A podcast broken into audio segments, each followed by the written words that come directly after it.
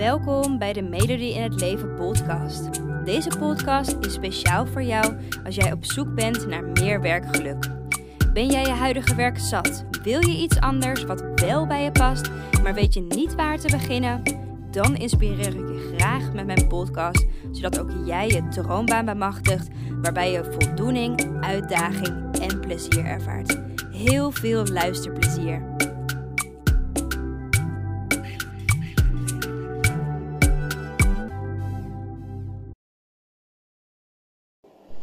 Hey, welkom bij alweer de derde podcast. Jeetje, het gaat echt zo snel. Um, en uh, ik moet zeggen, op het begin uh, had ik best wel dat ik dacht: oh, dat was wel spannend, zo'n podcast opnemen.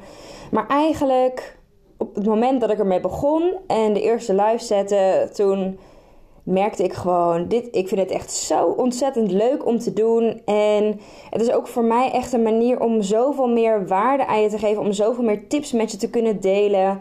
En um, ik ben zelf ook een groot fan van podcasts. Dus als ik in de auto zit of als ik aan het wandelen ben, luister ik er ook graag naar. Dus uh, ja, vandaag alweer de derde podcast. En uh, ik had het met een vriendin daarover. En uh, zij vertelde mij: Hey, superleuk, Edo, die podcast. Ik ben je gaan volgen, ik ben gaan luisteren. Super gaaf. Um, maar je hebt je eigen verhaal nog niet verteld. Ja. Dus dat uh, ga ik bij deze derde podcast doen. En ik wil je meenemen in het verhaal van het moment dat ik mij een enorme mislukkeling voelde. Tot het moment waar ik nu sta en waar ik dus echt voldoening, plezier en uitdaging in mijn werk ervaar. En uh, ik wil je eigenlijk even meenemen naar toen ik nog op de middelbare school zat.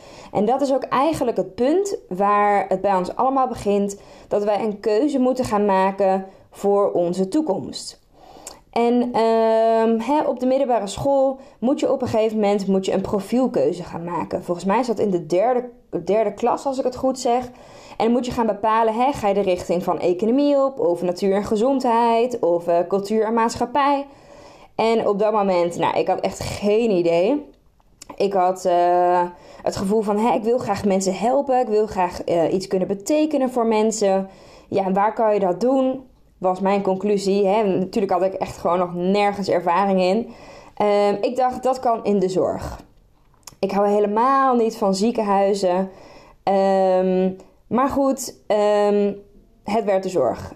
Met economie, want dat leek me wel praktisch. Want als ik toch economie kant op zou willen, dan uh, zou ik dat nog kunnen doen. Nou, uiteindelijk middelbare school afgerond bleek uiteindelijk ook helemaal niet de keuze te zijn uh, die echt bij mij paste. Maar goed, weet je, ik had een prima groot pakket en dat was helemaal oké. En um, eigenlijk moest ik dus op dat moment een studie gaan kiezen. En ik had geen idee. Want ik was tot de conclusie gekomen dat natuur en gezondheid, hè, de zorg, dat dat helemaal niet bij mij paste. Um, maar ja, wat dan wel? Dat was eigenlijk al het eerste moment in mijn leven dat ik um, ja, dat ik heel erg twijfels had over wie ben ik en wat past bij mij en wat voor job maakt mij nou gelukkig. En het liefst wilde ik op dat moment wilde ik gewoon gaan reizen en uh, mezelf herontdekken en uh, op basis daarvan het jaar daarna een goede keuze gaan maken. Nou, mijn ouders waren daar absoluut niet mee eens. Die zagen het al helemaal voor zich dat uh, als ik zou gaan reizen, dat ik nooit meer terug zou komen. Hebben ze misschien ook wel gelijk in gehad. Um, dus eigenlijk um, ja, raden ze mij aan met uh, nou ja, streng woord dat ik toch wel een studie moest gaan kiezen. En ik wilde hen op dat moment ook niet teleurstellen. En dat is ook een van de dingen wat er vaak gebeurt hè, als wij keuzes gaan maken, dat we heel erg rekening houden met het gevoel van anderen deed ik ook. En um, nou ja, ik besloot dus maar om een studie te starten. Het werd de PABO en die heb ik super random gekozen. Ik was knutselboeken aan het opruimen. En um, ik kwam die boeken dus tegen. En ik realiseerde me, hey, dat is best wel... Uh, hè, de PABO is best wel een creatieve opleiding. Je hebt veel vrijheid, dacht ik. Um, en kinderen vinden wel wel aardig, geloof ik. Dus uh, weet je, ik geef het gewoon uh, een kans. En diezelfde week uh, schreef me in voor de PABO. En volgens mij de volgende week startte de opleiding al. Dus het ging echt super snel allemaal. Nou, eenmaal tijdens die opleiding bleek het ook inderdaad wel een creatieve opleiding te zijn. En um, je kan je wel voorstellen dat er heel veel sociale mensen zijn op die opleiding zelf. Dus het was hartstikke leuk. En um, ja, binnen vier jaar ronde ik gewoon die opleiding af. En het was natuurlijk ook de, de tijd dat ik verwacht had om hem af te ronden. Het was de tijd dat mijn ouders verwacht hadden dat ik hem zou afronden. Dus ik werkte ook gewoon hard om te laten zien dat ik dat ook zou kunnen. echt dat presteren. millennials, wij als prestatiegeneratie. Ik zorgde er dus ook gewoon voor dat ik het gewoon binnen die vier jaar zou halen. En vanuit uh, een stage belandde ik dus in een baan en stond ik als 20-jarig meisje stond ik voor een klas met kids. Waar ik dus echt de verantwoordelijkheid over had. Ik had een eigen klaslokaal, ik had een eigen uh, computer. Ik mocht zelf keuzes maken. Wat ik met die kinderen uh, ging doen. Um, hoe ik mijn klaslokaal wilde inrichten. Ik had fijne collega's. En um, ja, weet je, ik voelde gewoon uh, me verantwoordelijk. Ik voelde echt dat elke dag een nieuwe dag was, vol nieuwe uitdagingen en waar ik dingen kon leren. En ik vond het oprecht, ik vond het echt fantastisch om te doen. Um, en ik zag ook dat iedereen in mijn omgeving trots op me was. Ik had wat bereikt, ik had, ik had die opleiding gedaan en ik stond nu fulltime voor de groep. En dat ging hartstikke goed een aantal jaar. En op een gegeven moment, um, ja, werd dat een sleur. Ik begon het saai te vinden. elke keer diezelfde kinderen, datzelfde klaslokaal, dezelfde collega's, dezelfde tijden waarop je dingen moest uitvoeren. En het voelde voor mij echt een beetje alsof ik uh, vast zat. Ik voelde me echt zo'n soort vastgeroeste robot. En uh, ik wilde wel ergens naartoe, maar uh, ja, zo was ik niet geprogrammeerd. En uh, kon ik dus eigenlijk geen kant op. Zo voelde het. En um, op dat moment dacht ik ook van... Het is misschien een fase, Elodie, je moet je niet aanstellen... Uh, dit gaat wel weer voorbij. Je moet even gewoon een nieuw punt van uitdaging vinden. En uh, dan komt het allemaal wel goed. Want dit is hetgene wat voor jou is. Hè? Hier heb je voor gestudeerd. Um, en dit past bij jou. Hier ben je goed in. Want ik was oprecht wel goed in mijn vak ook wat ik deed.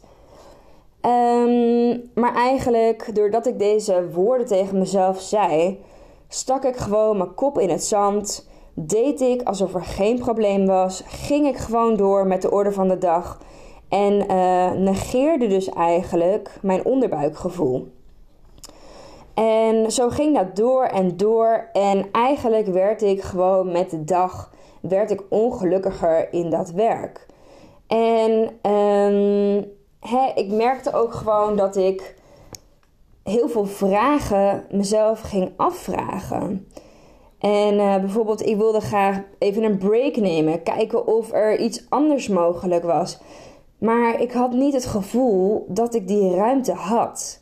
Want hey, ik had inmiddels, door dat salaris wat ik kreeg omdat ik fulltime werkte, had ik mezelf ook een comfortabel leven gegeven. Ik uh, had een appartement waar ik huur voor moest betalen. Ik had een auto die uh, ja, ook benzine nodig had um, en onderhoud. Ik had uh, vriendinnen waar ik leuke dingen mee wilde doen. Ik ging geregeld op vakantie, wat natuurlijk ook geld kostte. Dus het voelde voor mij niet alsof ik een break kon nemen, omdat ik ook wel die financiële lasten had. En um, ik dus eigenlijk die ruimte niet voelde om te stoppen. En dat zorgde ervoor dat ik eigenlijk heel veel twijfels had. Want aan de ene kant wilde ik, merkte ik ik wil graag stoppen. Dit past niet meer volledig bij mij. En aan de andere kant, ja, maar ik kan ook geen break nemen of ermee stoppen, want financieel kan ik dat niet aan. En eigenlijk, um, behalve dat ik het financieel niet aan zou kunnen, dacht ik, hè, dit was heel erg mijn overtuiging. En wellicht herken je jezelf daar wel in. Um, dus behalve dat ik uh, die overtuiging had, wist ik ook niet uh, wat dan anders bij mij zou passen. Hè, dan zou ik stoppen als leerkracht, helemaal oké. maar wat ga ik dan met mijn leven doen? Weet je wel, ik wilde wel uh, iets toevoegen aan de maatschappij. En um, ik wilde ook gewoon iets doen wat me wel gelukkig zou maken. Ik wilde iets doen wat wel bij mij zou passen en waar ik wel die voldoening en die uitdaging en dat plezier zou krijgen wat ik nu als leerkracht miste. Um, dus eigenlijk, behalve dat ik dus met vragen in mijn hoofd zat van hoe ga ik dit allemaal uh, bolwerken financieel, zat ik ook met vragen in mijn hoofd van ja, maar wat dan? Wat ga je dan wel doen? En dat zorgde ervoor dat ik eigenlijk dus ook niet in beweging kwam. die vastgeroeste robot die bleef daar ook staan omdat ik mezelf eigenlijk helemaal gek maakte in mijn hoofd met allemaal gedachten die mij op zijn plek hielden. En um, ik simpelweg heel erg naar die gedachten luisterde. En dat ook eigenlijk als waarheid aannam. En zo dus uh, er ook geen beweging in zette. Nou, na lange tijd um, kwam ik um, thuis te zitten. Ik ben uh, twee maal ben ik geopereerd. En dat was dus op het moment dat ik dus nog als leerkracht werkte. En ik kwam thuis te zitten en ik kon eigenlijk uh, nou, thuis te zitten. Ik moet even dat verduidelijken, denk ik. Ik moest geopereerd worden. En mijn moeder die zou bij mij komen wonen voor zes weken om voor mij te zorgen. Um, ja, echt super sad. Ik voelde me echt weer dat kleine kind uh, die de eigen billen gewoon niet af kan vegen. Letterlijk was dat het geval. Um, maar het zorgde er ook voor dat op dat moment dat ik in stilstand terecht kwam. Want ik was gewend om altijd maar door te gaan en door te gaan. En nooit een pauze te nemen. En doordat ik thuis kwam te zitten uh, samen met mijn moeder, had ik die pauze en kon ik nadenken over wie ben ik nou, wat vind ik belangrijk, waar krijg ik energie van. En kon ik die, die vragen die ik in mijn hoofd had van hé, wat, wat moet ik dan gaan doen, kon ik een beetje een plekje geven.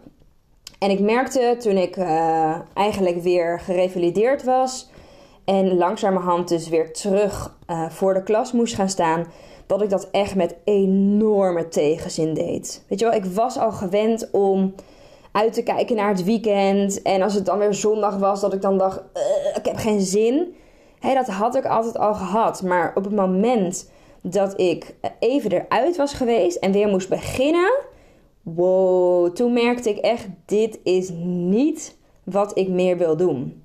Maar goed, ik heb het wel gedaan en puur omdat ik die financiële zorgen had in mijn hoofd. Dat gebruikte ik echt als excuus om weer te gaan beginnen. Dus ik stond weer voor de klas en er was, eh, de operatie, de eerste, was niet goed gegaan.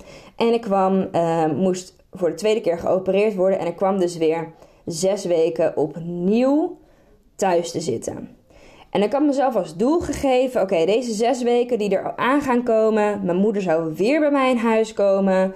Het zou weer een moment van reflectie en stilstand zijn. In deze zes weken ga ik bepalen wat ik echt wil. En ik had al wat research natuurlijk gedaan. Uh, ik had veel dingen opgeschreven, veel gesprekken gevoerd. En uh, ik besloot om echt te gaan kijken: wat zijn mijn opties? Wat past bij mij? Is dat een opleiding, een andere job? Um, ik had de antwoorden nog niet, maar ik besloot die zes weken gaat, gaat het gewoon gebeuren. En ik kwam dus weer thuis te zitten en uh, ik was echt super doelgericht. En ik merkte ook toen die zes weken een beetje ten einde kwamen, dat ik me ook heel erg teleurgesteld voelde. Want ik had immers zes weken de tijd gehad om te ontdekken wat dat ene ding dan zou zijn wat bij mij paste. En ik kon nog steeds niet op het antwoord komen. Ik had dus twaalf weken lang heb ik tijd eraan kunnen besteden. Ongestoord.